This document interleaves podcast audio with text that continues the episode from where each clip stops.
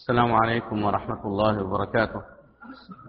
إن الحمد لله نحمده ونستعينه ونستغفره ونعوذ بالله من شرور أنفسنا ومن سيئات أعمالنا. من يهده الله فلا مضل له ومن يضلل فلا هادي له. وأشهد أن لا إله إلا الله وحده لا شريك له. أشهد أن محمدا عبده ورسوله صلى الله وسلم وبارك عليه وعلى آله وصحبه أجمعين. أما بعد فاليوم نأخذ من هذا الكتاب مسألة الولاء والبراء. وهذه المسألة في غاية الأهمية. وقد كثر فيها الخلط بين المفرطين والمفرطين. ولعل هذا هو مما يحتم على طالب العلم معرفتها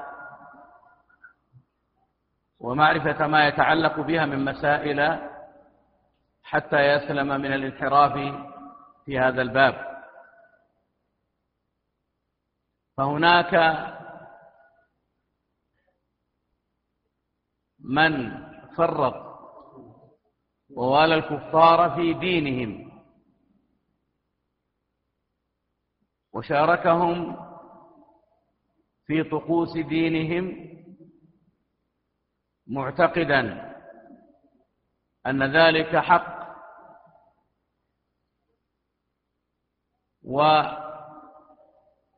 ومتبنيا إياه ديانة. يعني يرى أن هذا الأمر دين يتقرب به إلى الله. وهذا كما سيأتي تفصيله كفر بالله عز وجل. كدعاة وحدة الأديان. والذين يجوزون مشاركة الكفار في طقوسهم على أنها دين يقرب إلى الله وعلى أنه قربة إلى الله تبارك وتعالى. فهؤلاء هم أهل التفريط. الذين والوا الكفار ديانة. وسيأتي التفريق عندما نتكلم على أقسام الموالاة الكفرية والمحرمة والجائزة. ولعلنا قبل أن نبدأ وكذلك عكس أولئك المفرطين الذين اعتقدوا أن مجرد التعامل مع الكفار يعتبر ولاء لهم بل ربما حكموا على صاحبه بالكفر. حتى إن أحدهم يقول من يشتري البضاعة الفلانية فهو موال للكفار.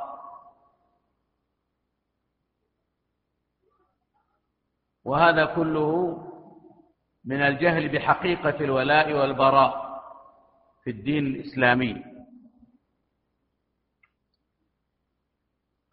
ولعلي قال لعلنا في هذا اليوم وقبل البدء في الدرس في صلب الكتاب نبين بعض المسائل المتعلقة بالولاء والبراء ولم يتعرض لها في هذه المذكرة أو في هذا الكتاب. فمن ذلك أقسام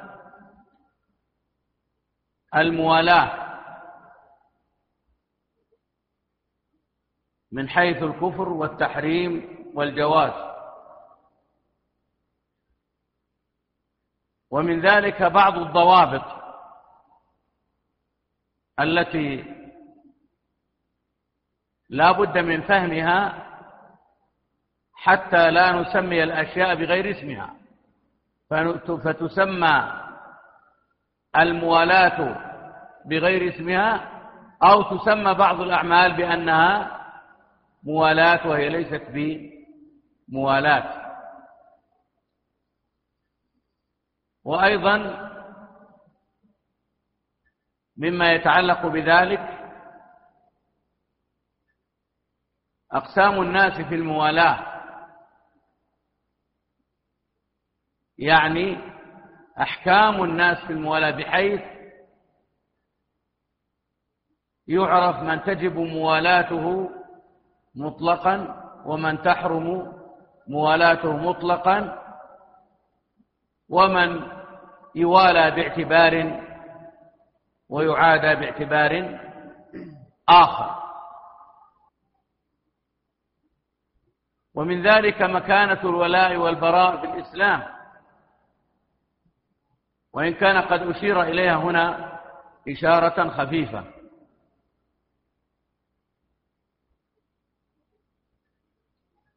ولذلك سنبين في ثنايا القراءة بعض هذه التقسيمات التي ينبغي أن تفهم قبل دراسة هذا الباب. ولعل نبدأ بالتعريف الآن ثم ننطلق إلى هذه التقسيمات. تفضل يا شيخ من القارئ؟ تفضل. الحمد لله الذي أرسل رسوله بالهدى ودين الحق ليظهره على الدين كله وكفى بالله شهيدا وأشهد أن لا إله إلا الله وحده لا شريك له إقرارا به وتوحيدا وأشهد أن محمدا عبده ورسوله صلى الله عليه وسلم تسليما مزيدا. من كتاب أصول الإيمان في ضوء الكتاب والسنة. إعداد نخبة من العلماء حفظهم الله. الفصل الثاني من الباب الثاني مسائل متفرقة في العقيدة. الولاء والبراء معناه وضوابطه. التعريف الولاء مصدر ولي بمعنى قرب منه والمراد به هنا القرب من المسلمين بمودتهم. وإعانتهم ومناصرتهم على أعدائهم والسكنى معهم. والبراء مصدر برى بمعنى قطع ومنه برى القلم بمعنى قطعه. والمراد هنا قطع الصلة مع الكفار فلا يحبهم ولا يناصرهم ولا يقيم في ديارهم إلا لضرورة. هذا التعريف أو هذا الضابط يحدد لك مفهوم الولاء والبراء. فالولاء في اللغة مأخوذ من ولي أي قرب. ومنه ولي المطر أو ولي الثرى الثرى. إذا جاء من المطر ما يلحق المطر الجديد ما يلحق المطر الجديد بالمطر القديم بحيث لو حفر الأرض لوجد أنه التحق أو لحق المقدار الذي وصل إليه ما قبله من المطر. فكلمة ولي بمعنى قرب. قرب. ومنه الولاية في النكاح. ومنه الولاية على مال الصبي والمجنون ومن في حكمهما ممن يحتاج إلى ولاية. ومنه الولاية بمعنى الإمارة.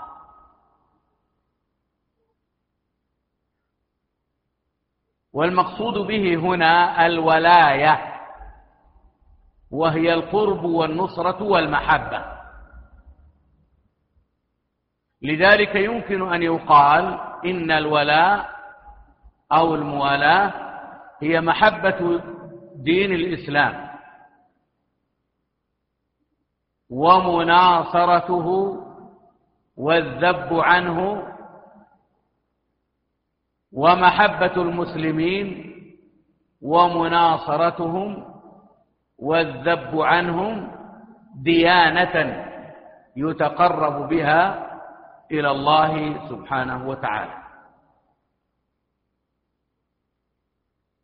وهذا بلفظ الولاية.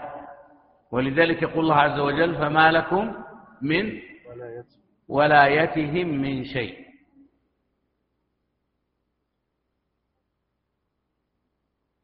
وقد تكون الولاية مرادفة للإيمان والإسلام.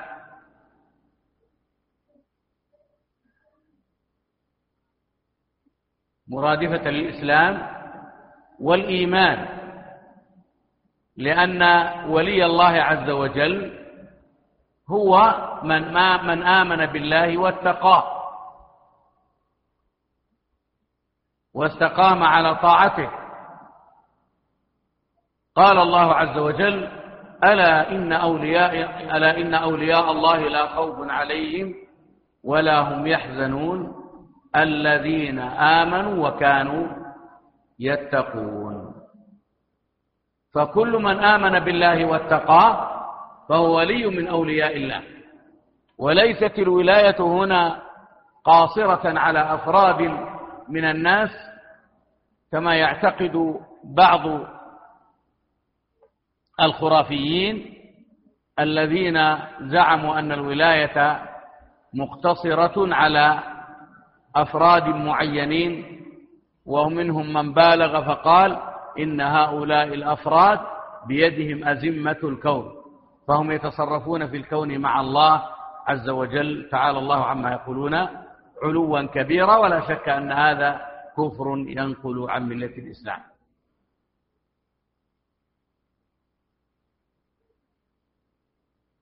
وأما البراء مأخوذ من برئ أي بعد. برئ منه أي ابتعد عنه. فالمقصود به التباعد من الشيء. وهو المقصود بقول الله عز وجل براءة من الله ورسوله إلى الذين عاهدتم من المشركين. ويطلق البراء من أيضا قد يكون من برى يبري من برى القلم يبريه أي جرده من ما يحيط به. وقد تكون من برئ أي ما شفي من ماذا؟ من مرضه. وكلها تؤدي معنى التباعد من الشيء. كلها تؤدي معنى البعد والتباعد من الشيء. وأما البراء في الاصطلاح أو في الشرع فهو التباعد من الكفار وبغضهم. والبراءة منهم وبغضهم. وعدم مناصرتهم. وعدم اعتقاد صحة واعتقاد صحة دينهم أو ملتهم. وتمني انتصار المسلمين عليهم. وتمني هزيمتهم. وبغضهم ديانة. ليس المراد البغض لذواتهم. وإنما المراد البغض ديانة لهم. وإلا فمنهم من يحب لقرابته وتلك ليست محبة دينية وإنما هي محبة طبيعية كما سيأتي تفصيله إن شاء الله. وخلاصة القول أن البراءة هو التباعد من المشركين. وبغضهم وعدم محبتهم وعدم مناصرتهم وتمني انتصار المسلمين عليهم. هذا معنى الولاء والبراء. وبذلك يختلف عن تفسير المفرطين والمفرطين. عن تفسير المفرطين الذين والوا الكفار ديانة وعن تفسير المفرطين الذين اعتبروا كل تعامل من باب ماذا؟ ها؟ من باب الولاء. تفضل. قالوا حفظهم الله. الولاء والبراء من حقوق التوحيد. يجب على المسلم أن يوالي في الله وأن يعادي في الله وأن يحب في الله وأن يبغض في الله. فيحب المسلمين ويناصرهم ويعادي الكافرين ويبغضهم ويتبرأ منهم. قال تعالى في وجوب موالاة المؤمنين إنما وليكم الله ورسوله والذين آمنوا الذين يقيمون الصلاة ويؤتون الزكاة وهم راكعون. ومن يتولى الله ورسوله والذين آمنوا فإن حزب الله هم الغالبون. وقال تعالى يا أيها الذين آمنوا لا تتخذوا اليهود والنصارى أولياء بعضهم أولياء بعض. ومن يتولهم منكم فإنه منهم. إن الله لا يهدي القوم الظالمين. وقال تعالى لا تجد قوما يؤمنون بالله واليوم الآخر يوادون من حاد الله ورسوله ولو كانوا آباءهم ولو كانوا آباءهم أو أبناءهم أو إخوانهم أو عشيرتهم. ويتضح من هذه الآيات الكريمة وجوب موالاة المؤمنين. وما ينتج عن ذلك من الخير ووجوب معاداة الكفار ووجوب معاداة الكفار والتحذير من موالاتهم وما تؤدي إليه موالاتهم من شر. هنا بين المؤلف أو المؤلفون جزاهم الله خيرا أهمية الولاء والبراء مع الإشارة إلى بعض الأدلة. ولذلك فإن موالاة المؤمنين ومناصرتهم ومعاونتهم هو الطريق السوي لاجتماع كلمة المسلمين. فإن الحب في الله والبغض في الله يأتي على أنه أحد دعائم الولاء والبراء. كما سيأتي إن شاء الله تعالى في مكانة الولاء والبراء في الإسلام.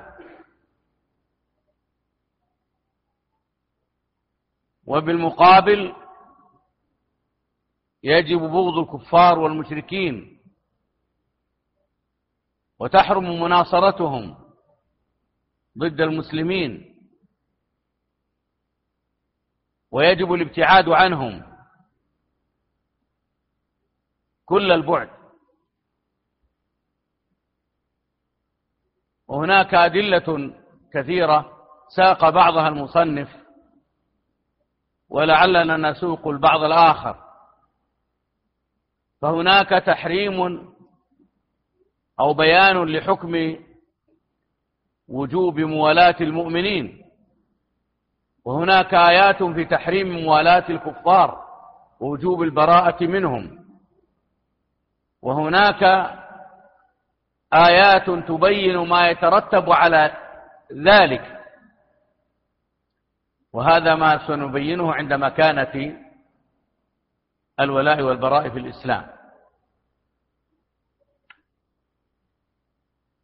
قال الله عز وجل في وجوب موالاة المؤمنين والمؤمنون والمؤمنون والمؤمنات بعضهم و و و قال الله تعالى إنما وليكم الله ورسوله والذين آمنوا الذين يقيمون الصلاة وهم راكعون ومن يتولى الله ورسوله والذين آمنوا فإن حزب الله هم الغالبون. فلا بد من موالاة المؤمنين. ولذلك جعلها شرطا في صحة الإيمان كما سيأتي بيانه بعد قليل. ومن أدلة وجوب البراءة من الكافرين أيا كانوا قول الله سبحانه وتعالى لا تجد قوما يؤمنون بالله واليوم الآخر يوادون من حاد الله ورسوله ولو كانوا آباءهم أو أبناءهم أو إخوانهم أو عشيرتهم. وقال جل وعلا يا أيها الذين آمنوا لا تتخذوا الذين اتخذوا يا أيها الذين لا تتخذوا الذين اتخذوا دينكم يا أيها الذين آمنوا لا تتخذوا الذين اتخذوا دينكم لعبا ولهوا أولياء بعضهم. لا تتخذوا الذين اتخذوا يا أيها الذين لا تتخذوا الذين كفروا. اتخذوا دينكم هزوا ولعبا من الذين أوتوا الكتاب من قبلكم والكفار. يا أيها الذين آمنوا لا تتخذوا الذين اتخذوا. دينكم هزوا ولعبا. قال الله تبارك وتعالى يا أيها الذين آمنوا لا تتخذوا الذين اتخذوا دينكم هزوا ولعبا. من الذين من الذين أوتوا الكتاب أوتوا الكتاب من قبلكم والكفار أولياء. من الذين أوتوا الكتاب من قبلكم والكفار أولياء. وقال جل وعلا يا أيها الذين آمنوا لا تتولوا قوما غضب الله عليهم قد يئسوا من الكفار كما ي... قد يئسوا من الكف... قد يئسوا من الآخرة. من الآخرة كما يئس الكفار من أصحاب القبور. وقال تبارك وتعالى يا أيها الذين آمنوا لا تتخذوا آباءكم و... وإخوانكم أولياء إن استحبوا الكفر على الإيمان. وقال جل وعلا يا أيها الذين آمنوا لا تتخذوا اليهود والنصارى أولياء بعضهم أولياء بعض ومن يتولهم منكم فإنه منهم. وقال تعالى يا أيها الذين آمنوا لا تتخذوا عدوي وعدوكم أولياء تلقون إليهم بالمودة. والملاحظ أن الآيات التي تحذر من موالاة الكفار أكثر من الآيات أو النصوص التي توجب ولاء الولاء للمؤمنين لأن مسألة ولاء المؤمنين أمر واضح ولكن الذي يحصل فيه لبس هو ماذا؟ هو موالاة الكفار. ومن هنا ننتقل إلى مكانة الولاء والبراء في الإسلام. تفضل. مكانة الولاء والبراء في الدين. إن للولاء والبراء في الإسلام مكانة عظيمة. هو أوثق عرى الإيمان ومعناه توثيق عرى المحبة والألفة بين المسلمين ومفاصلة أعداء الإسلام.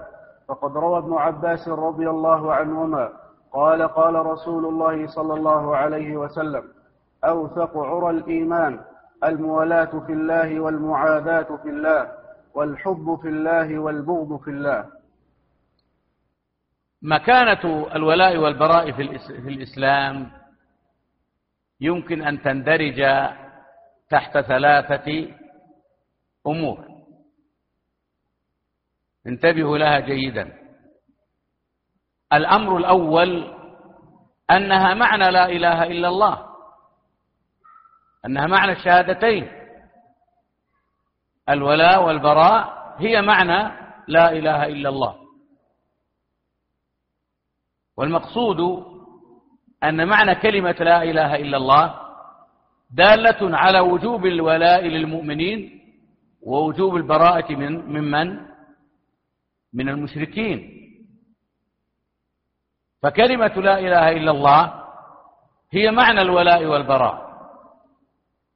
قال الله عز وجل فمن يكفر بالطاغوت ويؤمن بالله فقد استمسك بالعروة الوثقى. وقال تبارك وتعالى قل يا أيها الكافرون لا أعبد ما تعبدون ولا أنتم عابدون ما أعبد. ولا أنا عابد ما عبدتم ولا أنتم عابدون ما أعبد لكم دينكم ولي دين. وقال تبارك وتعالى وإذ قال إبراهيم لأبيه وقومه إنني براء مما تعبدون إلا الذي فطرني فإنه سيهدين وجعلها كلمة باقية في عقبه لعلهم يرجعون. فلولا لاحظتم هذه الآيات لتبين لكم أنها هي معنى لا إله إلا الله. فلا يمكن أن يصح أن يفهم معنى لا إله إلا الله إلا بمعرفة الولاء والبلاء إلا بتحقق خصلتي الولاء والبراء. الولاء المسلمين والبراء من غير المسلمين. ومن هنا عرف السلف الإسلام بأنه الاستسلام لله بالتوحيد والانقياد له بالطاعة. وماذا؟ والخلوص من الشرك ومعاداة أهله. إذا هذه الفقرة الأولى من مكانة الولاء والبراء في الإسلام أنهما معنى ماذا؟ كلمة لا إله إلا الله. ثانيا أن الولاء والبراء شرط في صحة الإيمان. فلا إيمان لمن لم يوالي المؤمنين ولا إيمان لمن والى الكافرين ديانة أي أحبهم وأحب دينهم أحبهم من أجل دينهم. ما الدليل على أنها شرط في صحة الإيمان؟ أريد الدليل من واحد من الإخوة. في بعض الآيات التي تقدمت تفضل.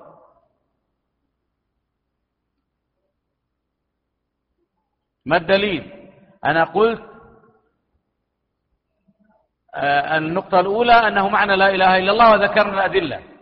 النقطة الثانية في مكانة الولاء البر الإسلام أنها شرط في صحة الإيمان. لا إيمان إلا بولاء وبراء. ما الدليل على ذلك؟ من عنده إجابة؟ تفضل. تفضل.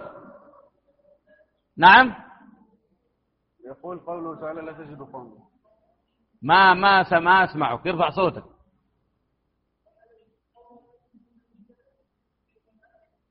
لا هذه دليل على وجوب الولاء أنا أقول شرط ترتب فيه الشرط على المشروط.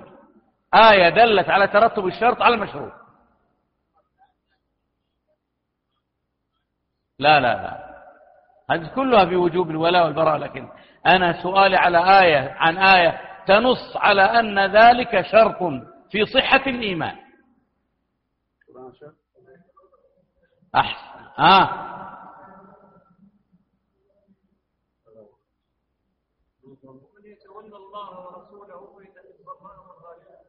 قبلها إنما ومن يتولى آه لا في آية صريحة في سورة المائدة.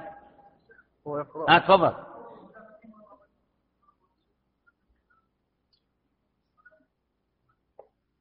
هذه كلها في وجوب الولاء. أنا أقول هي نص في ترتب الشرط على المشروع في توقف توقف الإيمان على وجوب الموالاة.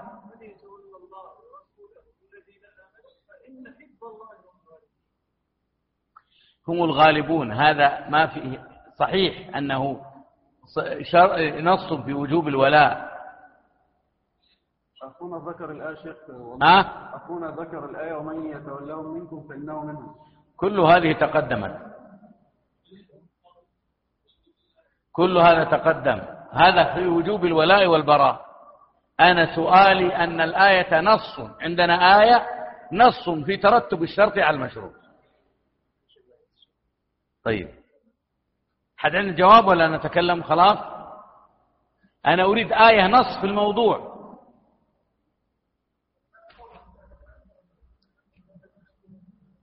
لا يا شيخ جزاك الله هذه كلها ذكرت.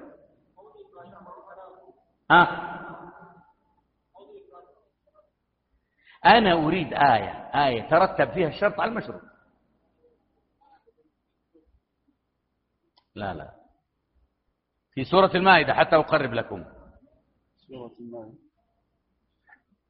يا أيها الذين آمنوا لا تتخذوا يعني نص على أنه لو كانوا مؤمنين حقا لما والوا الكفار. يلا. قربنا لكم الآية. أحسنت. عاد أنا فتحت لك الجواب. الجزاء الجائزة بيني وبينك. ها؟ ولو أحسنت. ولو كانوا يؤمنون. ها؟ ما اتخذوهم أولياء. هذا نص. صحيح الآيات التي ذكرتم. كلها في يعني في وجوب الولاء والبراء. لكن أنا أريد شيء في فيه نص على ترتب الشرط على المشروط ولو كانوا يؤمنون بالله ها؟ والنبي وما أنزل إليه ما اتخذوهم أولياء. رتب صحة إيمانهم يعني على موالاتهم لله ولرسوله. يعني لو كانوا صادقين في إيمانهم بالله وبكتاب الله وبرسول الله لما لما لما لما اتخذوا الكفار أولياء.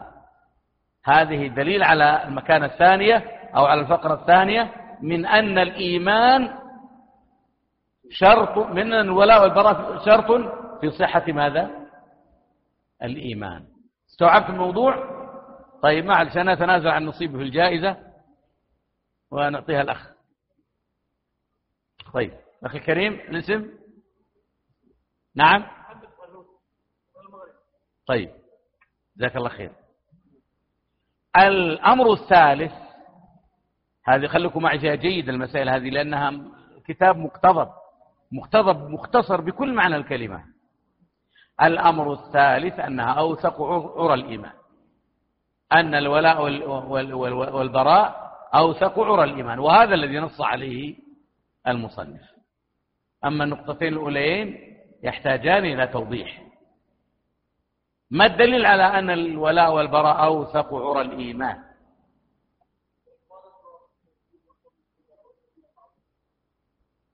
لا أنا أريد نص تنصيص على أنه أوثق عرى الإيمان. قد يكون حديث وليس آية. حديث ابن عباس أوثق عرى الإيمان؟ ها؟ حديث ابن عباس. من من الذي قال؟ قال. من؟ حدثه؟ ها؟ نعم أوثق عرى الإيمان الحب في الله والبغض طيب له روايات أخرى؟ له روايات أخرى؟ أيوة. أيضا تقوي هذا المعنى. ثلاث من كن فيه وجد بهن حلاوة الإيمان. نعم. لا هذا فيه لفظ لا يجد أحد حلاوة. أيوة يعني من أحب في الله وأبغض في الله ووالى في الله وعاد في الله فقد استكمل الإيمان. الإيمان. فقد استكمل إضافة إلى ما هو تنصيص في المعنى وهو حديث ابن عباس الذي ذكر. أوثق عرى الإيمان ماذا؟ الحب في الله والبغض في الله والموالاة في الله والمعاداة في الله. تفضل الأخ الذي أجاب أعطيه. طيب. نريد شخص يلخص لنا مكانة الولاء والبراء في الإسلام. تتلخص في كم أمر؟ حدد المجيب. لا يتكلم مع بعض. شيخ يوسف. يوسف جعفر آه محمد. حدد لنا الله. هيا يا إخوان. من يلخص لي هذه الفقرة؟ بسرعة.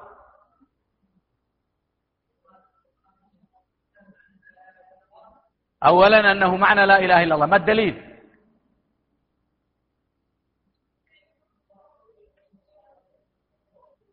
أحسن دليل آخر. أحسن. دليل ثالث.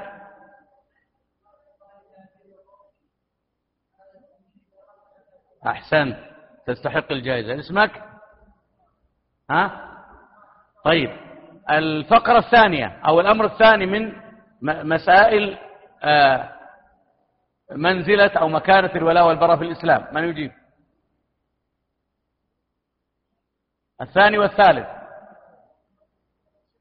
ها؟ أنها شرط لصحة الإيمان. ما الدليل؟ وإن كان قد أجاب عنه أخوك لكن إن أجبت على الفقرة الثالثة تأخذ الجائزة. نعم. ما الدليل؟ لا لا. الدليل أنه شرط في صحة الإيمان. ما اتخذوهم أولياء. أحسن. طيب الفقرة الثالثة كملها أنت؟ أنه أوثق عرى الإيمان. والدليل؟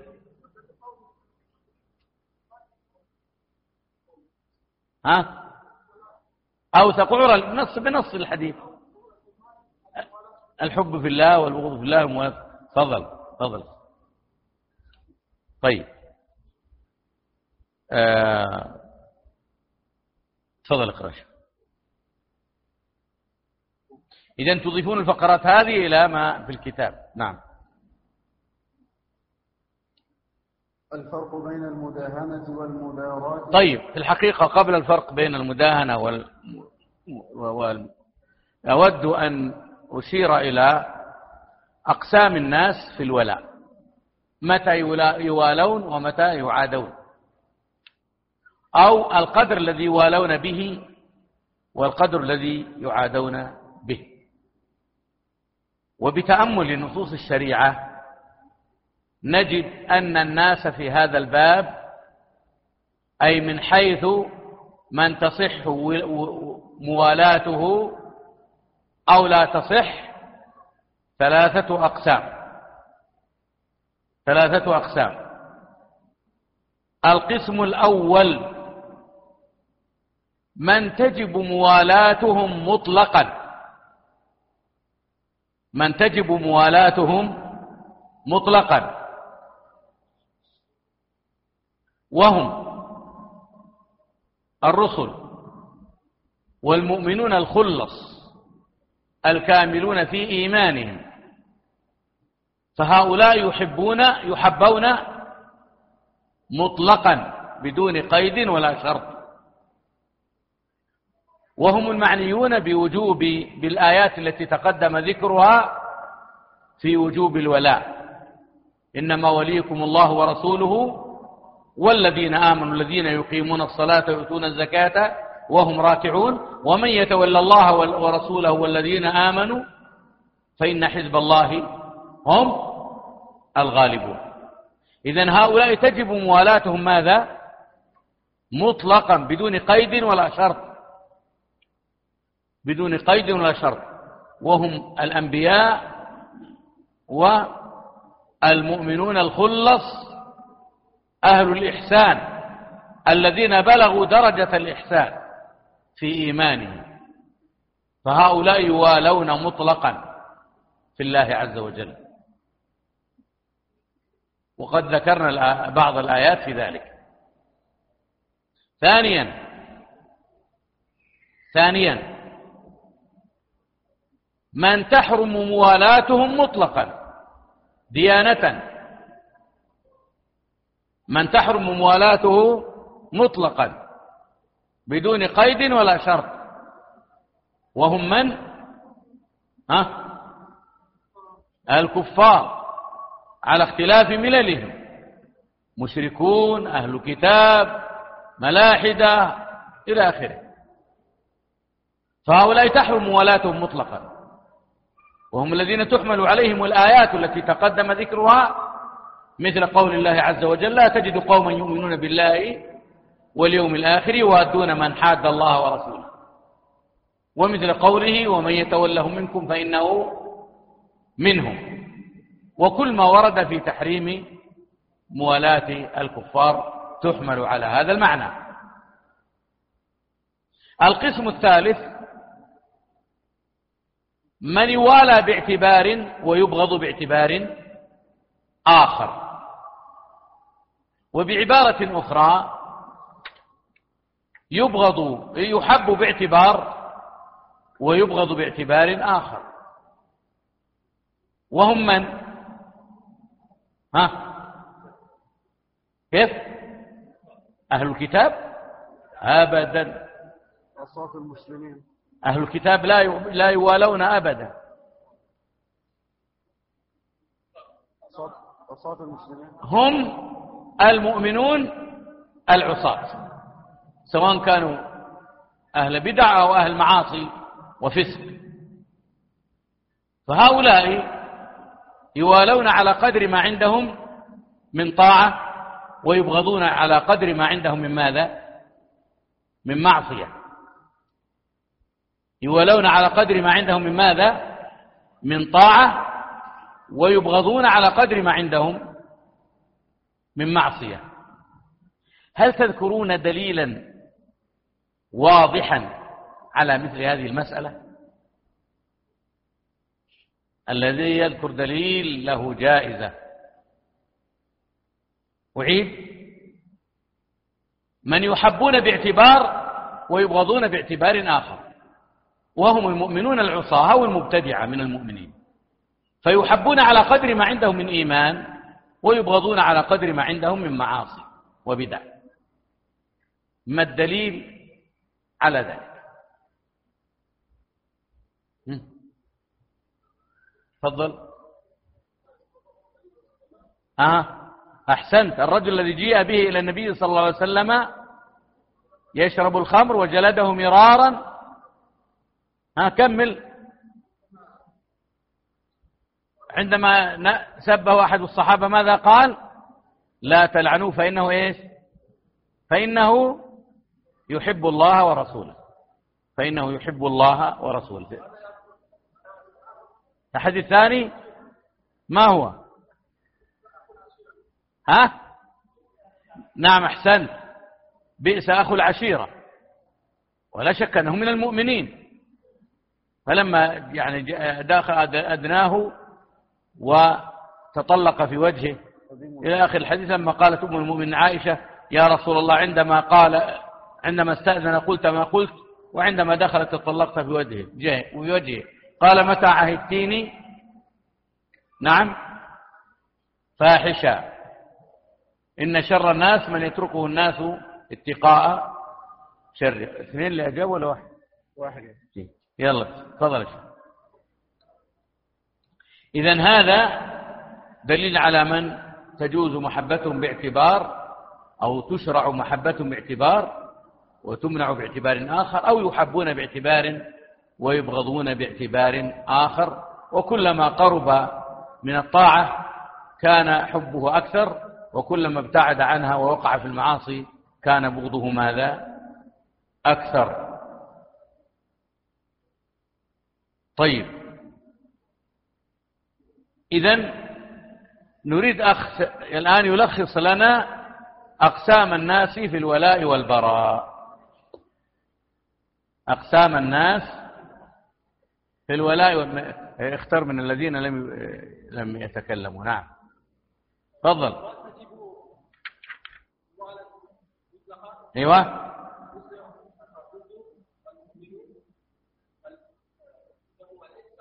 نعم الخلص. نعم. يعني ما يجب بغض من يجب بغضهم مطلقا وتحرم موالاتهم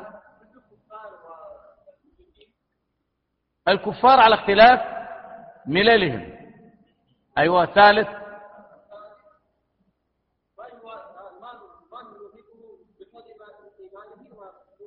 أحسنت. هناك كلام جميل نفيس لشيخ الإسلام ابن تيمية أنا سأدلكم على كتاب الولاء والبراء لا يستغني عنه طالب العلم. إن شاء الله. وكتاب الولاء والبراء حقيقة الولاء في الكتاب والسنة للشيخ من يذكر؟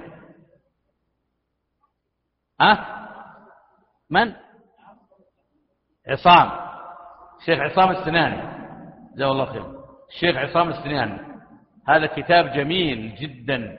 استقصى مسائل الولاء والبراء التي يعني آه، الحقيقة جمع مسائل لم يسبق إليها. نعم. طيب. الآن نقرأ ما وقفنا عليه. تفضل. تفضل. تفضل. بل بل يسأك كدنا ننساك يا شيخ. وما سمي الإنسان إلا لنفسه. نعم تفضل. قال المؤلفون حفظهم الله. الفرق بين المداهنة والمداراة وأثرهما على الولاء والبراء. المداهنة هي ترك الأمر بالمعروف والنهي عن المنكر. منكر. ومصانعة الكفار والعصاة من أجل الدنيا. والتنازل عما يجب على المسلم من الغيرة على الدين. الغيرة. من الغيرة على الدين. ومثاله الاستئناس بأهل المعاصي والكفار ومعاشرتهم. وهم على معاصيهم أو كفرهم. وترك الإنكار عليهم مع القدرة عليه قال الله تعالى لعن الذين كفروا من بني إسرائيل على لسان داود وعيسى بن مريم. ذلك بما عصوا وكانوا يعتدون. كانوا لا يتناهون عن منكر فعلوه. لبئس ما كانوا يفعلون. ترى كثيرا منهم يتولون الذين كفروا. لبئس ما قدمت لهم, لهم أيد, أيد أنفسهم أن سخط الله عليهم وفي العذاب هم خالدون. نعم. نقرأ المدارة انتهى؟ نقرأ المدارة نعم. أيوة خذ خذ كمل. المداراة هي درء المفسدة والشر بالقول اللين وترك الغلظة أو الإعراض عن صاحب الشر. إذا خيف شره أو حصل منه أكبر مما أو حصل منه من أو حصل منه أكبر مما هو ملابس له كالرفق بالجاهل في التعليم وبالفاسق في النهي عن فعله. وترك الإغلاظ عليه والإنكار عليه بلطف القول والفعل ولا سيما إذا احتيج إلى تأليفه. وفي الحديث عن عائشة رضي الله عنها أن رجلا استأذن على النبي صلى الله عليه وسلم فلما رآه قال بئس أخو العشيرة وبئس ابن العشيرة. فلما, جل فلما جلس فطلق النبي صلى الله عليه وسلم في وجهه وانبسط له وانبسط إليه. فلما انطلق الرجل قالت عائشة رضي الله عنها يا رسول الله حين رأيت الرجل قلت كذا وكذا. ثم تطلقت في وجهه وانبسطت إليه. فقال رسول الله صلى الله عليه وسلم يا عائشة متى عفتيني فحاشا؟ أو فاحشة أو فاحشة إن شر الناس عند الله منزلة يوم القيامة من تركه الناس اتقاء شره. فالنبي صلى الله عليه وسلم دار هذا الرجل لما دخل عليه مع ما فيه من الشر لأجل المصلحة الدينية. فدل على أن المداراة لا تتنافى مع الموالاة إذا كان فيها مصلحة راجحة من كف الشر والتأليف أو تقليل الشر وتفكيته وهذا من مناهج الدعوة إلى الله تعالى. ومن ذلك مداراة النبي صلى الله عليه وسلم للمنافقين في المدينة خشية شرهم وتأليفا لهم ولغيرهم. وهذا بخلاف المداهنة فإنها لا تجوز. إذ حقيقتها مصانعة أهل الشر لغير مصلحة دينية وإنما من أجل الدنيا. الفرق بين المداهنة والمداراة كما سمعنا فرق دقيق قد يختلط على بعض الناس. فيقعون في المداهنة باسم الحكمة وقد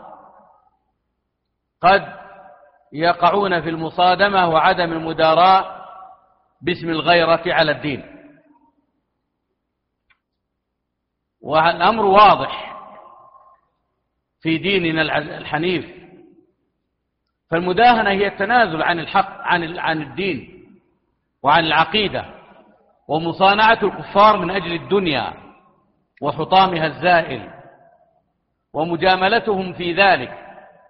ومن ذلك التنازل عن بعض أمور الدين من أجل أن يرضى الكفار عنا. والله عز وجل يقول ولن ترضى عنك اليهود ولا النصارى حتى تتبع ملتهم. قال الله عز وجل ودوا لو تدهنوا في فيدهنون. ودوا لو تدهنوا فيدهنون. أي أن تميل إليهم وتتنازل عن عن الحق أو عن الدين مقابل أن يرضوا. هذه أمنيتهم. وهذا الذي يريدون. وهذه هي المداهنة. مثل شخص يقول أنا والله الآن يعني ما دام المسألة آه، فيها تقرب وفيها ترغيب في الدين خليني أحلق, أحلق لحيتي من أجل أن يعني أن آه، أري الناس أنني لست معقدا ولست ذا لحية ينفر منها الناس. فهذا من أنواع ماذا؟ المداهنة. فإن اعتقد ذلك صار كفرا. إن اعتقد ذلك جواز ذلك صار كفرا. شخص آخر خايف من زو من زوجته يعني وهي تراه بهذه اللحية الكثيفة الجميلة فحلقها من أجل خاطرها. ها؟ هذا من أنواع ماذا؟ المداهنة المحرمة. يقول البعض خلينا ندخل في المرقص الفلاني ومكان الغنى ونرقص معهم لأن الغاية عند بعض الدعاة تبرر ماذا؟ الوسيلة. فهذا كله من المداهنة المحرمة. وهي مصانعة الكفار من أجل الدنيا وحطامها.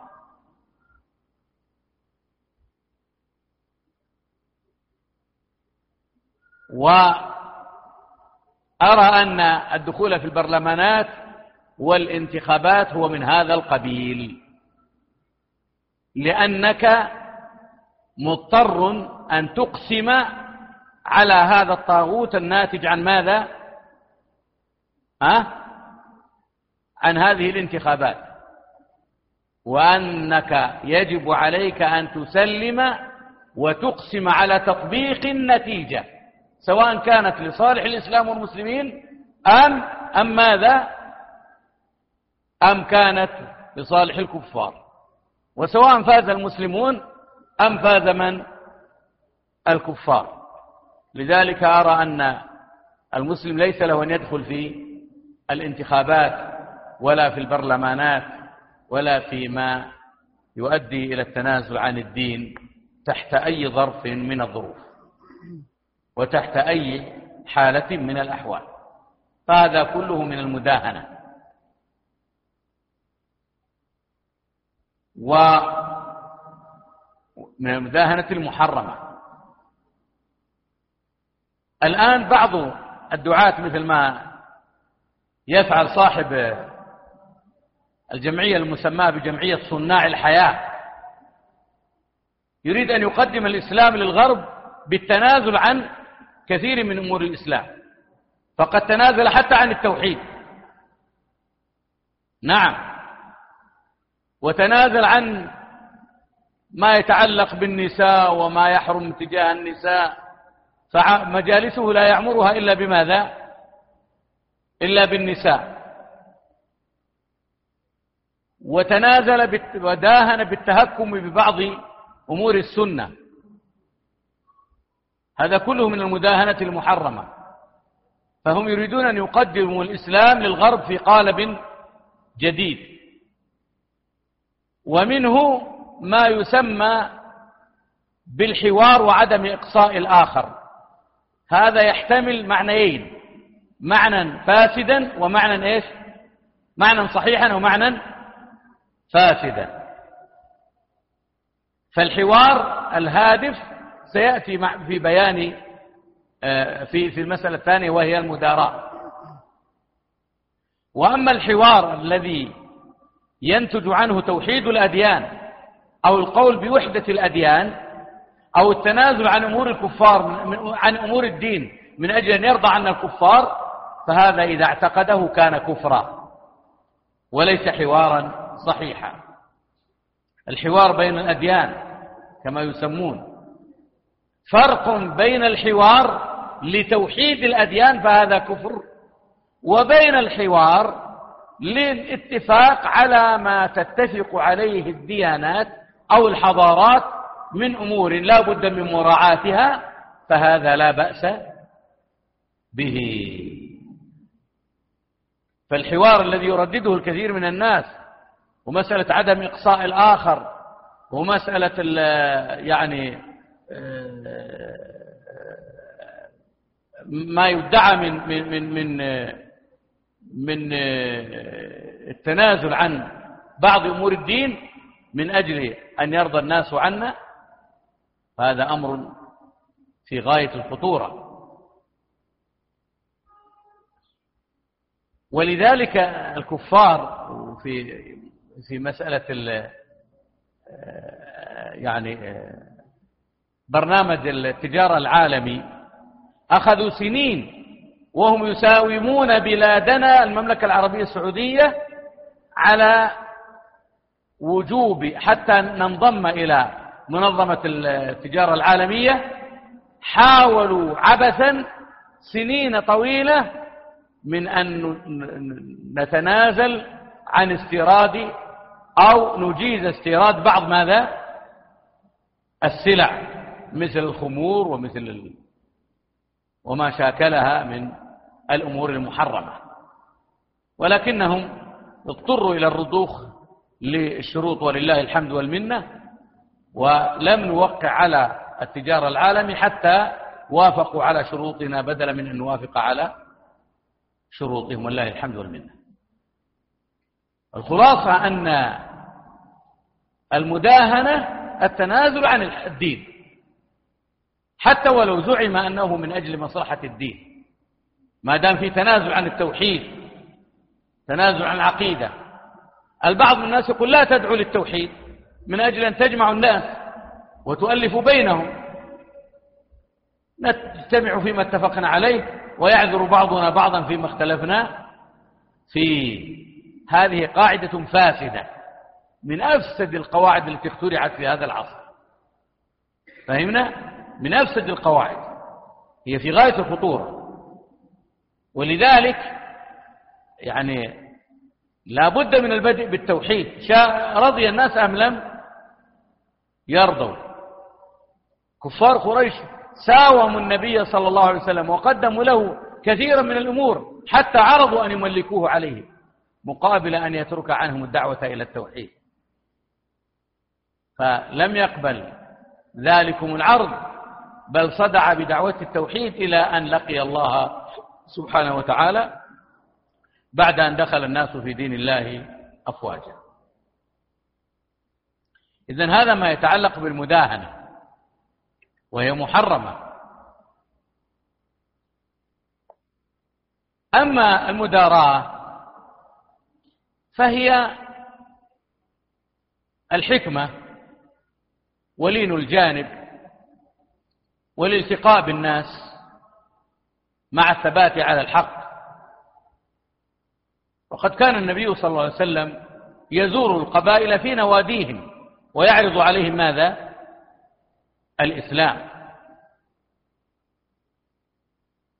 ومن ذلك إعطاؤه الزكاة للمؤلفة قلوبهم.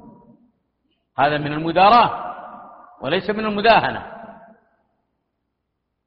ومن ذلك ما قد يكتبه في بعض خطاباته من كلمات فيها مداراة للكفار مثل قوله صلى الله عليه وسلم من محمد رسول الله إلى إلى هرقل عظيم الإيش؟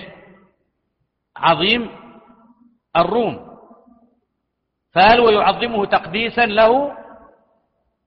أو من باب المداراة؟ من باب ماذا؟ من باب المداراة. ومن ذلك تركه المنافقين وهو أمر في غاية الأهمية وإعراضه عنهم وقبول ظواهرهم مع أنه قد عرفهم جملة وتفصيلا وقد فضحهم الله عز وجل في القرآن ومع ذلك لم يقتلهم. بل قال معاذ الله أن يقال إن محمدا ماذا؟ يقتل أصحابه. لكن هل أقرهم على فعالهم؟ أو تنازل عن شيء من الدين من أجلهم؟ ها؟ لا. لم يتنازل لهم عن شيء مع أنه قد داراهم بترك إقامة الحد عليهم. بترك إقامة الحد عليهم. معاذ الله أن يقال أن محمدا يقتل أصحابه. وتليين الكلام للمخالف مع الثبات والتنازل وعدم التنازل عن الحق. فالله عز وجل أمرنا أمر موسى وهارون بأن يلين القول القول لأعداء أعتى أعداء الله وهو فرعون. فقول له ماذا؟ قولا لينا لعله يتذكر أو يخشى. كل هذا من ماذا؟ ها؟ من المداراة. ومن ذلك قوله صلى الله عليه وسلم من دخل دار أبي سفيان فهو آمن. لما أخبر أخبر أن أبا سفيان يحب المدح أخبره العباس رضي الله عنه أن أبا سفيان يحب الثناء والمدح ولا ألا ذلك ترغيبا له في الإسلام. ومن ذلك ما أعطى للكفار تأليفا لهم. أعطى صفوان بن أمية رضي الله عنه قبل أن يسلم مرارا يقول وكان يعطيني وهو أبغض الناس إلي وإنه الآن والله له أحب أحب الناس إلي. والحديث الذي أورده المصنف قصة الرجل الذي استأذن على النبي صلى الله عليه وسلم فقال بئس أخو العشيرة وبئس ابن العشيرة. فلما دخل تطلق في وجهه وألان له الكلام. فلما ولى قالت عائشة رضي الله عنها يا رسول الله عندما استأذن قلت ما قلت وعندما جلست طلقت في وجهه قال يا عائشة متى عهدتيني فاحشا إن شر الناس من يتركه الناس اتقاء شره. ومن المداراة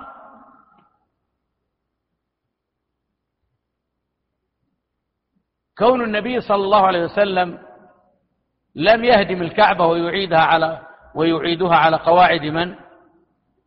إبراهيم.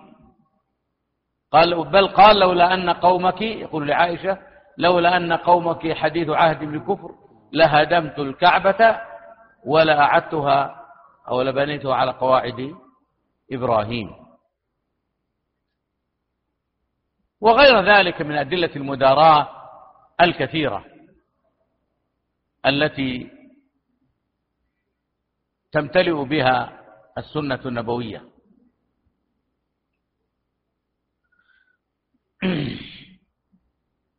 فيتضح من هنا الفرق بين المداراة وبين المداهنة وبين الموالاة. نعم تفضل. نقرأ. قالوا حفظهم الله. نماذج من الولاء والبراء. نعم. قال الله تعالى حكاية عن إبراهيم عليه السلام.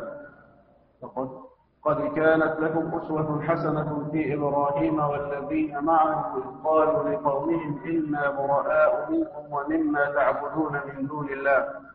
كفرنا بكم وبدا بيننا وبينكم العداوة والبغضاء أبدا حتى تؤمنوا بالله وحده. وقال تعالى في موالاة الأنصار لإخوانهم المهاجرين والذين تبوأوا الدار والإيمان من قبلهم يحبون من هاجر إليهم ولا يجدون في صدورهم حاجة مما أوتوا ويؤثرون على أنفسهم ولو كان بهم خصاصة ومن يوق شح نفسه فأولئك هم المفلحون. نعم. انتهت؟ نعم. انتهى الباب كله؟ لا ما زال. حكم طيب. ها؟ حكم ولاة العصاة. اي طيب. هنا أتى بنماذج من تطبيق مسائل الولاء والبراء عند الأنبياء. وسنورد المصنف أورد ما يتعلق بإبراهيم عليه السلام من كونه تبرأ من أهله وأبيه. وإذ قال إبراهيم لأبيه وقومه إنني براء مما تعبدون إلا الذي فطرني فإنه سيهدين وقوله تعالى قد كانت لكم آية أو قد كانت لكم أسوة حسنة في إبراهيم والذين معه إذ قال لقومه إذ قالوا لقومهم إنا براء منكم كفرنا بكم وبدا بيننا وبينكم العداوة والبغضاء أبدا حتى تؤمنوا بالله وحده. ومن ذلك تبرؤ نوح عليه السلام من ابنه عندما أصر على الكفر.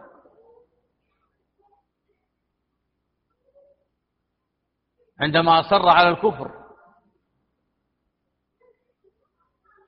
ففي البداية قال نوح ربي إن ابني من أهلي وإن وعدك الحق وأنت أحكم الحاكمين. أحكم الحاكمين. قال الله له ماذا؟ يا نوح إنه ليس من أهلك إنه عمل غير صالح. وإني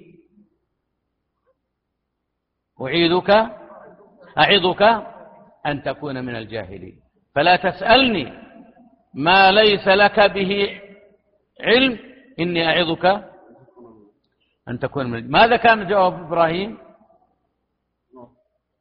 قال ربي إني أعوذ بك أن أسألك ما ليس لي به علم. ومع ذلك فإنه قد يأتي فإنه ثبت في الحديث أن أبا أنه يلقى أباه آذر. يوم القيامة. وهو متلطخ قيل متلطخ بطين وقيل بعذرته. فيقول له إبراهيم عليه السلام ألم أقل لك لا تعصني؟ قال فإني الآن لا أعصيك. فقال ربي إنك وعدتني ألا تخزيني يوم يبعثون. فقال يقول الله الله عز وجل انظر إلى ما تحت قدمك فإذا هو بذيخ متلطخ فيحمل بقوائمه الأربع فيلقى في النار. على هيئة ذيخ والذيخ هو ذكر الضباع ذكر الضباع ولذلك تبرأ منه. فلم قال الله عز وجل وما كان استغفار إبراهيم لأبيه إلا عن موعدة وعدها إياه. فلما تبين له أنه عدو لله تبرأ منه إن إبراهيم لأواه حليم. النموذج الثالث نبينا محمد صلى الله عليه وسلم.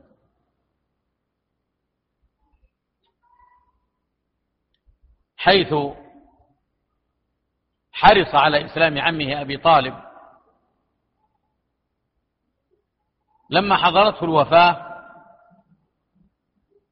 جاء إليه وعنده أبو جهل وغيره من الكفار فقال له يا عم يتلطف معه من وكأنه ينخاه بهذه القرابة يا عم قل لا إله إلا الله.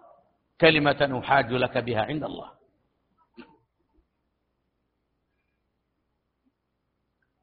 فقال أبو جهل ومن معه من المشركين أترغب عن ملة عبد المطلب؟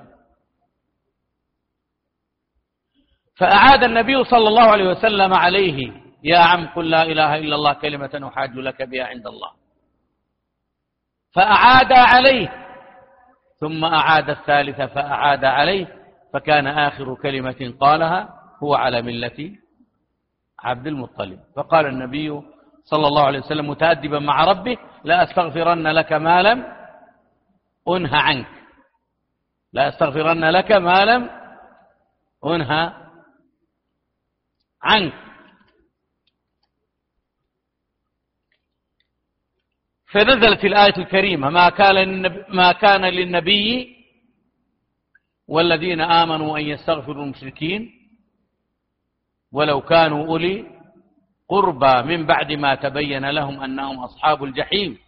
وما كان استغفار إبراهيم لأبيه إلا عن موعدة وعدها إياه فلما تبين له أنه عدو لله تبرأ منه أن إبراهيم لأواه حليم. كذلك عندما جاء لقبر أمه عندما مر عليه الصلاة والسلام على قبر أمه. يقول استأذنت ربي أن أستغفر لأمي فلم يأذن لي. ثم استأذنته أن أزور قبرها فأذن لي فزارها فبكى وأبكى من حوله. وقال عليه الصلاة والسلام إنما بكيت إشفاقا عليها من ماذا؟ من النار.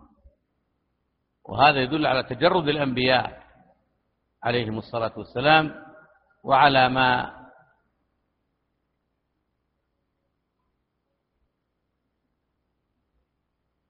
فلذلك يعني تبرأ صلى الله عليه وسلم من أقرب الناس إليه. وهو آباؤهم وهو أبوه وأمه وأعمامه إلا من آمن منهم. تفضل.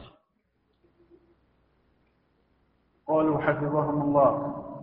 حكم موالاة العصاة والمبتدعين. إذا اجتمع في الرجل الواحد خير وشر وفجور وطاعة إذا اجتمع في الرجل الواحد خير وشر وفجور وطاعة ومعصية وسنة ومعصية وسنة وبدعة استحق من الموالاة والثواب بقدر ما فيه من الخير واستحق من من المعاداة والعقاب بحسب ما فيه من من الشر. وقد يجتمع في الشخص الواحد موجبات الإكرام والإهانة فيجتمع له من هذا وهذا. كاللص الفقير تقطع يده لسرقته ويعطى من بيت المال ما يكفيه لحاجته ويتصدق عليه. هذا هو الأصل الذي اتفق عليه أهل السنة والجماعة. هذه المسألة تقدمت لنا في أقسام الناس في الولاء والبراء وأن منهم من يحب باعتبار ويبغض باعتبار آخر. فالناس لهم أحوال. فهذا اللص مثلا ضرب مثلا باللص تقطع يده من أجل السرقة ويعطى من بيت المال من أجل إيمانه بل وقد يعطى الزكاة. وكذلك يعني سائر من تبدر منهم بعض المعاصي يحبون على قدر إيمانهم ويبغضون على قدر ذلك. فلذلك هذا من أنواع أقسام الناس في الموالاة وقد تقدم. نعم. قالوا حفظهم الله. هل يدخل في الموالاة معاملة الكفار في الأمور الدنيوية؟ دلت النصوص الصحيحة على جواز التعامل مع الكفار في المعاملات الدنيوية. كمسائل البيع والشراء والإيجار والاستئجار والاستعانة بهم عند الحاجة والضرورة على أن يكون ذلك في نطاق ضيق وألا يضر بالإسلام والمسلمين.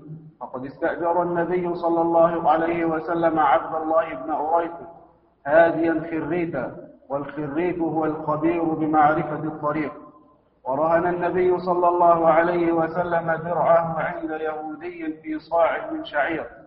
وأجر علي رضي الله عنه نفسه ليهودية. يمتح لها الماء من البئر فمتح لها ست, عشر ست عشرة دلوى كل دلو بتمرة. وقد استعان النبي صلى الله عليه وسلم باليهود الذين كانوا في المدينة في قتال المشركين. واستعان بخزاعة ضد كفار قريش. وهذا كله لا يؤثر على الولاء والبراء في الله. على أن يلتزم الكفار الذين يقيمون بين المسلمين بالآداب العامة وألا يدعوا إلى دينهم. هذه المسألة مسألة التعاملات التي لا تعد من الولاء والبراء في شيء. يتطلب فهمها أن نتكلم عن أحكام الموالاة. عن أحكام الموالاة. ولها أربعة أحكام. الأمر الأول الموالاة الكفرية المخرجة من دين الإسلام. والأمر الثاني الموالاة المحرمة التي لا تبلغ درجة الكفر. والأمر الثالث الموالاة الجائزة. والأمر الرابع ما يظن أنه موالاة وليس بموالاة وهو الذي تكلم عنه هنا. ونبدأ بالأمر الأول. وهي الموالاة التي من وقع فيها كفر وخرج من دين الإسلام. وهي محبة الكفار ديانة. محبة الكفار ديانة من أجل دينهم. يعني الذي يحبهم ويناصرهم ديانة ومحبة في دينهم. فهذا لا شك في كفره. وهو المعني بالآيات التي تحرم موالاة الكفار. مثل قوله تعالى لا تجد قوما قول الله تعالى لا تجد قوما يؤمنون بالله واليوم الآخر يوادون من حاد الله ورسوله ولو كانوا آباءهم إلى آخر الآية. وكذلك قوله يا أيها الذين آمنوا لا تتولوا قوما غضب الله عليهم. قد يئسوا من الآخرة كما يئس الكفار من أصحاب القبور. وقول الله سبحانه وتعالى ومن يتولهم منهم فإنهم ومن يتولهم منكم فإنه منهم. ونحو ذلك من الآيات الكثيرة. التي تحرم موالاة الكفار الموالاة الكفرية التي تخرج من الدين. وهذا ما يمثله كثير من الملاحدة وبعض الكتاب في هذا العصر. قال أحدهم في إحدى المقابلات إن الدين عنده هو ما يدين به المرء أيا كان. فما يعتقده الإنسان يجب أن يبقى عليه وهو دينه. يقول وبناء على ذلك فإن لا أكفر يهوديا ولا نصرانيا ولا بوذيا ولا هندوكيا ولا شيوعيا. فلا شك أن هذا اللون من الموالاة صاحبها يخرج من ماذا؟ من الدين. ومن أمثلة ذلك دعاة وحدة الأديان. دعاة وحدة الأديان. فمن يرى أن الأديان يمكن أن يوحد بينها ويدمج بينها هذا كالذي يخرج يخلط بين الذهب وبين النواة أو بين الذهب وبين النحاس ونحو ذلك. إذن يعني هذا هو الذي تحمل عليه الآيات التي جاءت في تحريم موالاة الكفار التحريم الذي هو كفر ينقل عن ملة الإسلام إذا اعتقد صحة طقوسهم أو أحبه من أجل دينهم أو نحو ذلك. وتحمل عليه جميع الآيات الواردة في هذا الباب. القسم الثاني موالاة محرمة. كمن يحب الكفار من أجل مصلحة دنيوية يشاركهم فيها.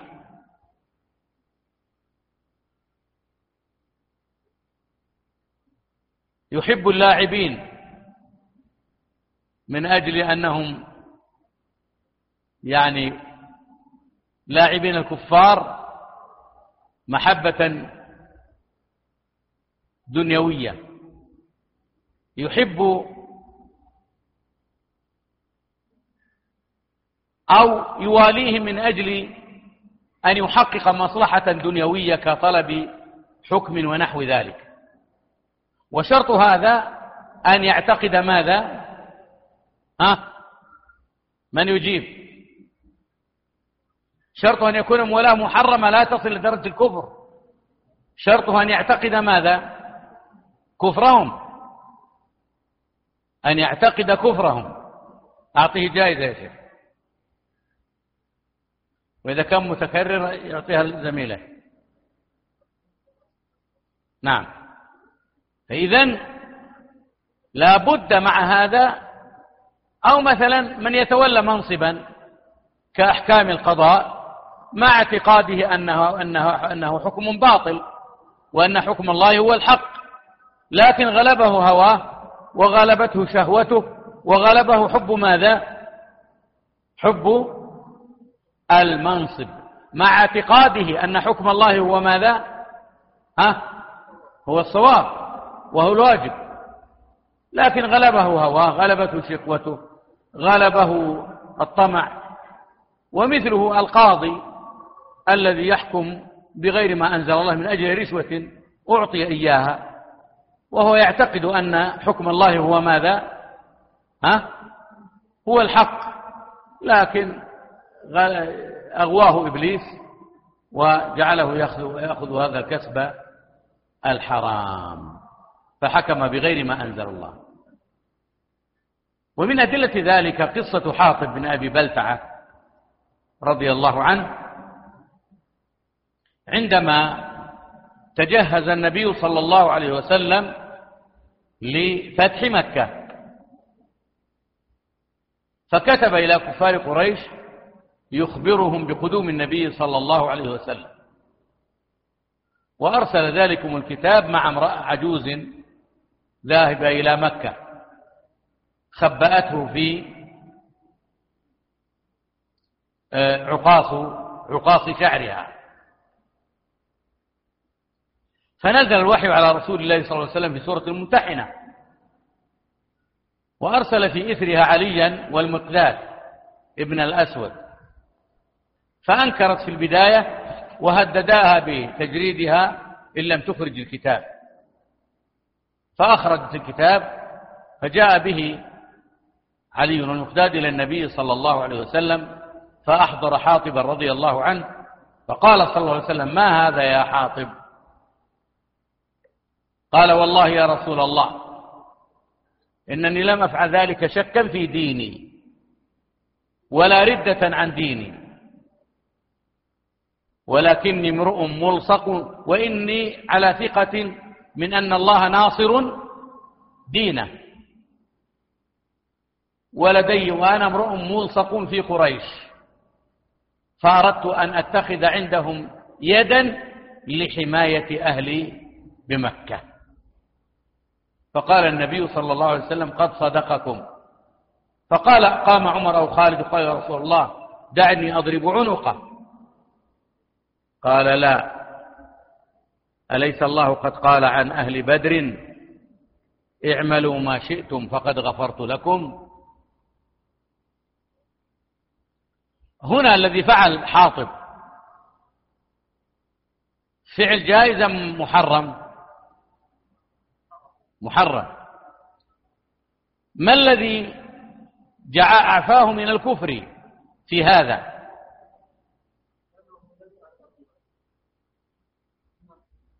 ها؟ نريد واحد ما أجاب سابقا. أنت ما أجاب سابقا؟ طيب. لماذا؟ إنه إيش؟ يعني علم الله منه. وكذلك هو قال لرسوله صلى الله عليه وسلم أنه لم يفعل ذلك خيانة ولا ردة ولا زهدا في الدين. وإنما ليتقرب إليهم من أجل عياله. طيب لو كان الذي فعله حاطب كفرا وفي هذا رد على التكفيريين هل يشفع له كونه من أهل بدر؟ من يجيب؟ السؤال هل الذي شفع لحاطب فقط كونه من أهل بدر؟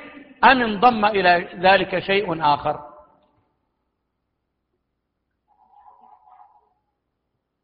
هل مجرد كونه من أهل بدر هو الذي شفع له أم انضم إلى ذلك شيء آخر؟ نعم.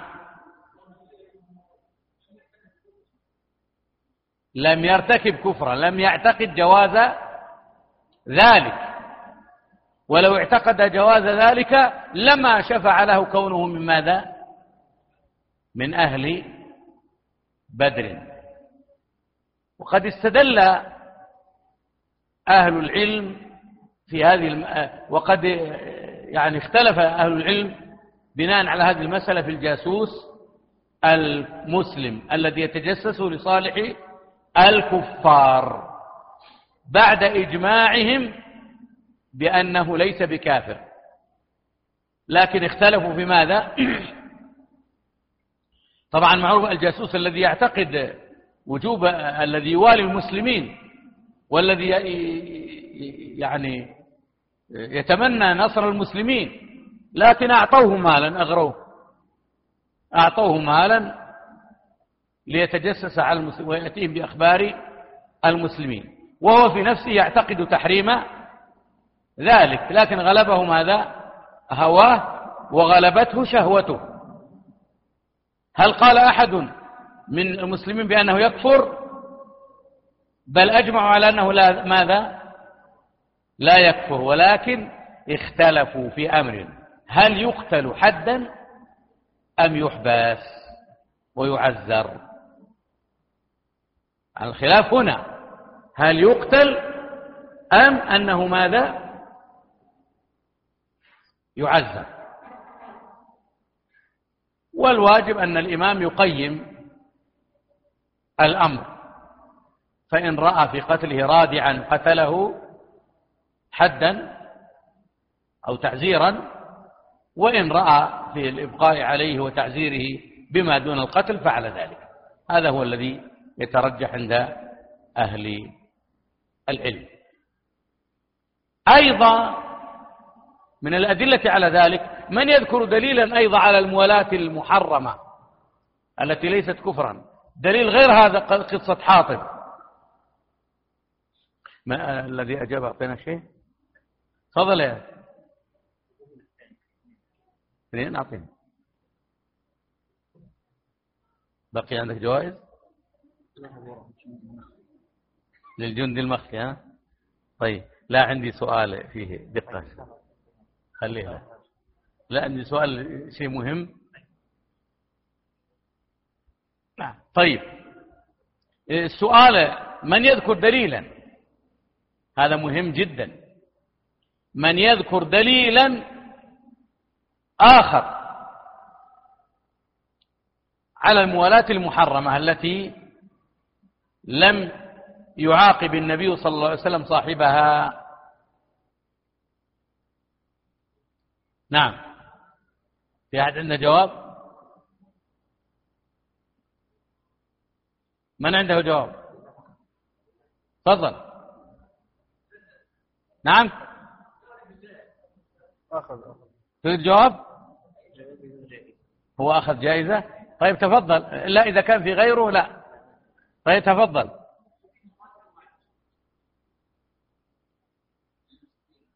إي نعم. اي نعم أحسنت. لكن وهم غير مستحلين. طيب في دليل واضح جرى أمام النبي صلى الله عليه وسلم. أحسنت. هذا سبق أنا أخذ. تفضل أحسنت. يا صاحب سعد بن عبادة. سعد بن عبادة رضي الله عنه وأرضاه عندما قال النبي صلى الله عليه وسلم يوم الإفك من يعذرني في رجل آذاني في أهلي. من يعذرني في رجل آذاني في أهلي. يعني من؟ عبد الله ابن أبي ابن سلول. فقال أسيد بن حضير وبعض الأوس يا رسول الله أنا أعذرك فيه. فإن كان من من الأوس قتلناه. وإن كان من إخوان إخواننا الخزرج أذنت لنا فقتلناه. فقال سعد رضي الله عنه ولا شك أن هذا مغفور له بإذن الله. لا والله لن تستطيع قتله ولن تصل إليه. فقال أسيد إنك منافق تدافع عن المنافقين. حتى كاد أن يقتتل الصفان أو الحيان الأوس.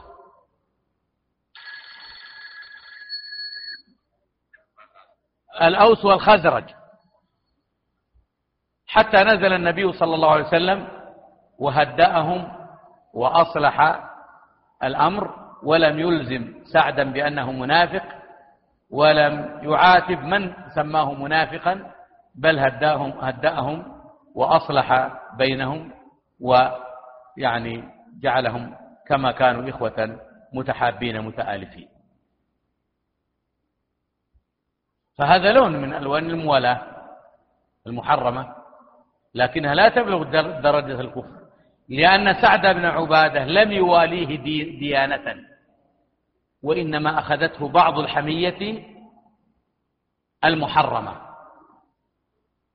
إنما يشفع له كونه من أهل بدر وكونه لم يفعل ذلك خيانة ولا موالاة للكفار من أجل دينهم.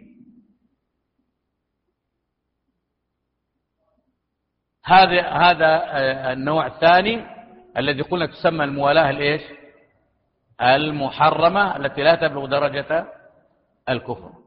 ثالثا الموالاة الجائزة. هناك موالاة جائزة. ما بقي عندك جوائز ها؟ مرة. أو نعيده غدا الذي يجيب. مثل ماذا الموالاة الجائزة؟ من يجيب؟ مثل ماذا؟ ها؟ نريد الذين لم يجيبوا قبل الموالاة الجائزة. نعم. إيش؟ التجارة؟ لا هذا يدخل في القسم الرابع. ما يظن أنه موالاة وليس بموالاة. ها؟ ما جاء في صلح الحديبية. لا. هذا من ضوابط الموالاة. ولا الزواج من الكتابية. هذا يدخل في باب آخر سنبينه. الأب والأم من الكفار؟ ها؟ الأب والأم من الكفار. الإحسان الأب والأم من الكفار لا. ليس هذا الذي. موالاة جائزة. تصرح بالموالاة.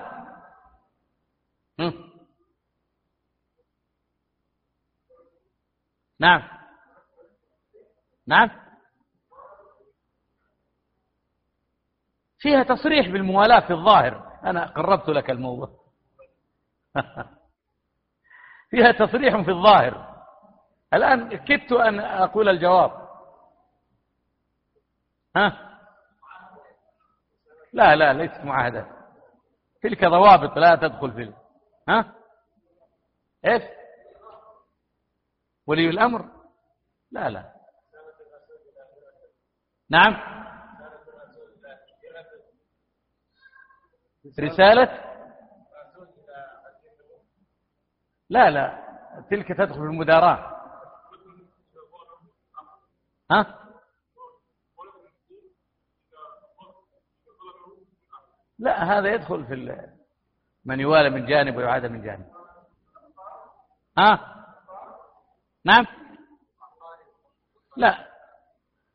قارب هذه ضوابط أخرى ستأتي إن شاء الله. آه، الظاهر ما هناك جواب. طيب الجواب في سورة النحل. من يجيب؟ من يكمل؟ الجواب في سورة النحل. الآن ما عاد إن لم تجيبوا ف حنزعل بقى. الجواب في سورة النحل.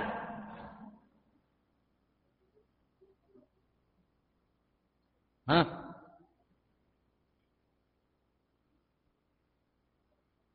إلى الآن ما في جواب؟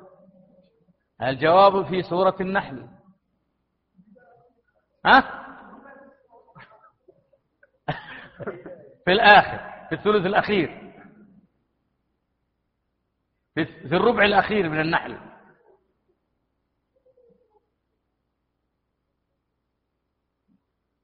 يا جماعة.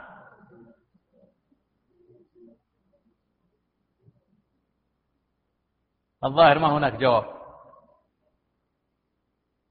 من كفر؟ ها؟ كفر بالله. أيوه كمل ها.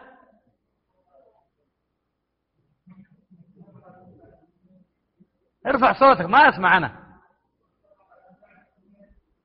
أيوه. إلا من أكره وقلبه مطمئن بالإيمان ولكن من شرح بالكفر صدرا. طيب ما سبب نزول الآية؟ قصة عمار بن ياسر. طلب منه الكفار أن ينال ممن ها؟ من النبي صلى الله عليه وسلم. فجاء يبكي ظن أنه قد ارتد ظن أنه قد كفر بذلك. بل فقال له النبي صلى الله عليه وسلم وإن عادوا فعد ونزلت الآية الكريمة فهذه موالاة في الظاهر. موالاة في الظاهر. لكنها ليست موالاة في حقيقة الأمر. فهي جائزة. ولذلك يقول الله عز وجل هناك دليل عليها آخر في سورة في سورة ماذا؟ ها أحسنت. سورة آل عمران. إلا أن تتقوا منهم تقاة. إلا أن تتقوا منهم تقاة. يعني أن تخافوا على أنفسكم ويلجئوكم إلى أمر كفري حتى ولو كان كفرا فلا حرج عليكم أن توالوهم بكلمات في الظاهر بشرط أن تكون قلوبكم مطمئنة بماذا؟ بالإيمان. طيب. ألا يشكل على هذا الحديث دخل الجنة رجل في ذباب ودخل النار رجل في ذباب؟ من يجيب؟ من يجيب؟ نحن اتفقنا على أن هذا هذه الموالاة جائزة. هي في ظاهرها موالاة. ولكنها جائزة في مثل هذه الضرورة. إذا خاف المسلمون على أنفسهم فلهم أن يصانعوا الكفار بكلمة يتخلصون بها من بطشهم أو من أذاهم. لا سيما إن وصل الأمر إلى الإكراه الملجئ الذي هو التهديد في النفس أو ماذا؟ أو المال. طيب السؤال ماذا قلنا؟ حديث الذباب ها أيوه. ألا يشكل على هذا حديث دخل الجنة رجل في ذباب ودخل النار نار في ذباب؟ رجل في ذباب؟ ها؟ أبدا. حتى لو أشرك بالفعل.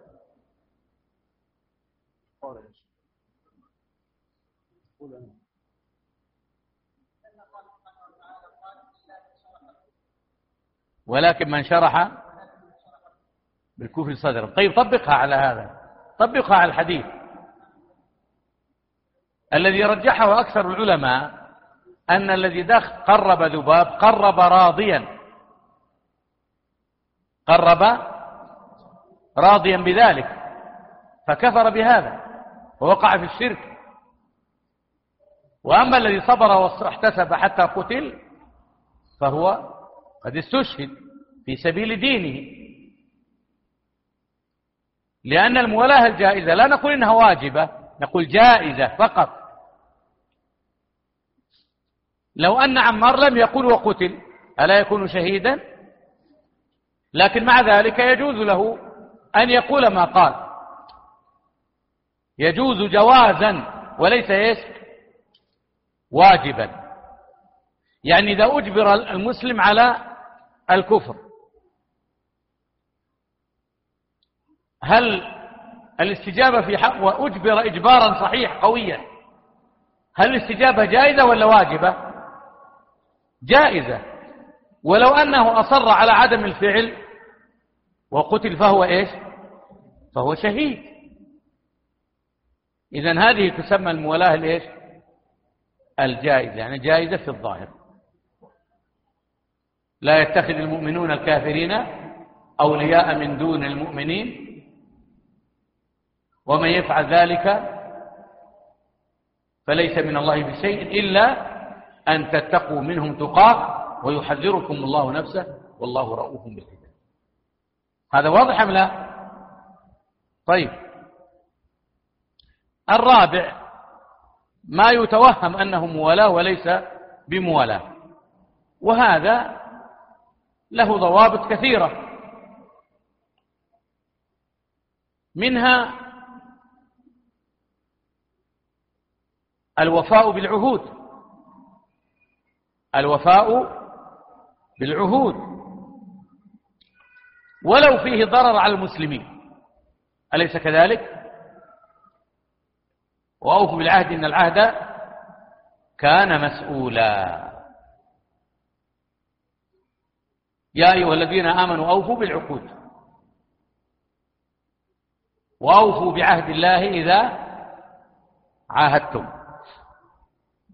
وفي الصحيح أن حذيفة بن اليمان رضي الله عنه أسره هو وأبوه كفار قريش.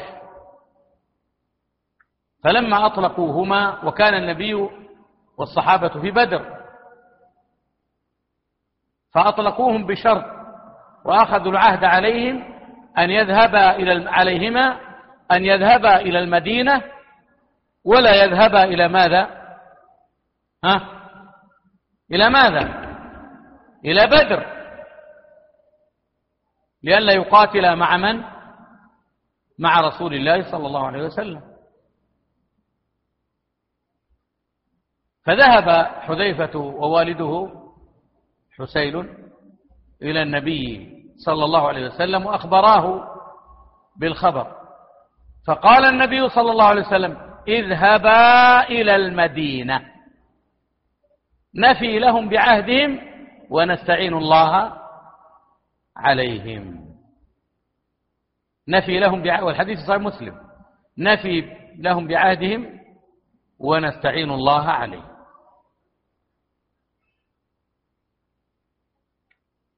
هذه صورة من الصور أيضا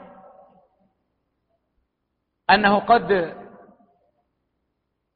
يوافق ولي الأمر على شروط فيها إجحاف بالمسلمين فيما يبدو.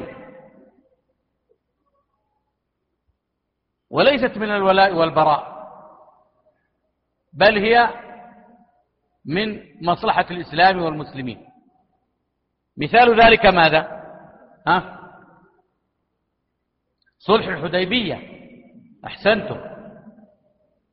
صلح حديبية. فهذا أمر يعني قد تعرفون تفاصيله يعني النبي صلى الله عليه وسلم كتب الصلح. أولا طالبوه بمحو بسم الله. بسم الله الرحمن الرحيم. فمحاها. هل هذا تنازل؟ لا. وإنما هو تأخير أمر لأمر لمصلحة راجحة. ثم ثانيا لما كتب محمد رسول الله قال سهيل بن عمرو لو نعلم أنك رسول الله رسول الله لما قاتلناك. اكتب من محمد ابن عبد الله. فقال والله إني رسول الله وإن كذبتموني. فمحاها وكتب محمد بن عبد الله.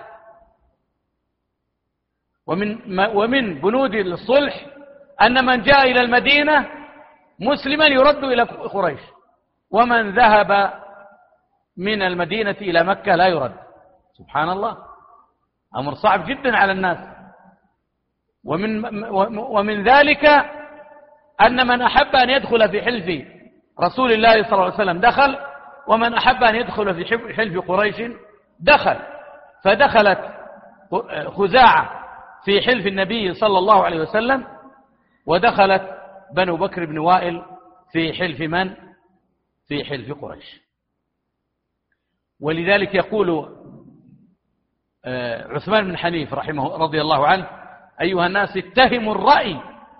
والله لقد وجدتني يوم الحديبية ولقد هممت أن أعترض على رأي رسول الله صلى الله عليه وسلم. فمثلا لو أقر الإمام الآن إعطاء نقود للكفار مقابل أن يكفون شرهم نعترض عليه؟ ها؟ قبل أربعين عاما. الملك فيصل رحمه الله أعطى كثيرا من بعض الدول المجاورة للإلحادية وبعض الشيوعية أعطاهم بعض المال ولذلك كفانا الله ماذا؟ شرهم. ويوم اعتداء صدام حيد الروس بقرض من المال وكانوا سيقفون مع صدام فحيدوا. وهذا أمر يحدده ولي الأمر لمصلحة راجحة تعود على الإسلام والمسلمين بكل خير. واضح؟ طيب. من ذلك مما يظن أنه موالاة محبة المؤمن محبة المسلم لزوجته الكافرة الكتابية. هو يحبها حبا عاطفيا أليس كذلك؟ وجعل بينكم مودة؟ ورحمة حتى لو كانت كافرة كتابية. يجوز الزواج منها. والمحصنات من الذين أوتوا الكتاب من قبلكم. من ذلك أيضا محبة المسلم لوالديه الكفار وإعطاؤهما حقوقهما وصاحبهما في الدنيا معروفة. ومن ذلك الإحسان إلى بعض الأقارب الكفار. فقد استأذنت أسماء. النبي صلى الله عليه وسلم أن تصل أمه وهي كافرة فأذن لها. وكسى عمر رضي الله عنه أخا له قبل أن يسلم قبل أن يسلم حلة أهداه إليه أهداها إليه من؟ رسول الله صلى الله عليه وسلم. ومن ذلك العمل مع الكفار بشرط أن تؤدي دينك بحرية. وقد استأجر النبي صلى الله عليه وسلم عبد الله بن أريقط هاديا خريتا ومن ذلك أن علي رضي الله عنه يعني أجر نفسه ليهودية يمتح لها الماء من البئر كل دلو بتمرة. ومن ذلك أن النبي صلى الله عليه وسلم رهن درعه عند يهودي في آصع من تمر في خيبر ومن ذلك معاملة النبي صلى الله عليه وسلم أهل خيبر بشطر ما يخرج منها. ووقائع بالمئات ليست بالعشرات بالمئات كلها من التعاملات الجائزة فلا حرج فيها وليست من الولاء والبراء في شيء. والله نسأل أن يوفقني وإياكم لما فيه رضاه. وصلى الله وسلم وبارك على نبينا محمد وعلى آله وصحبه أجمعين.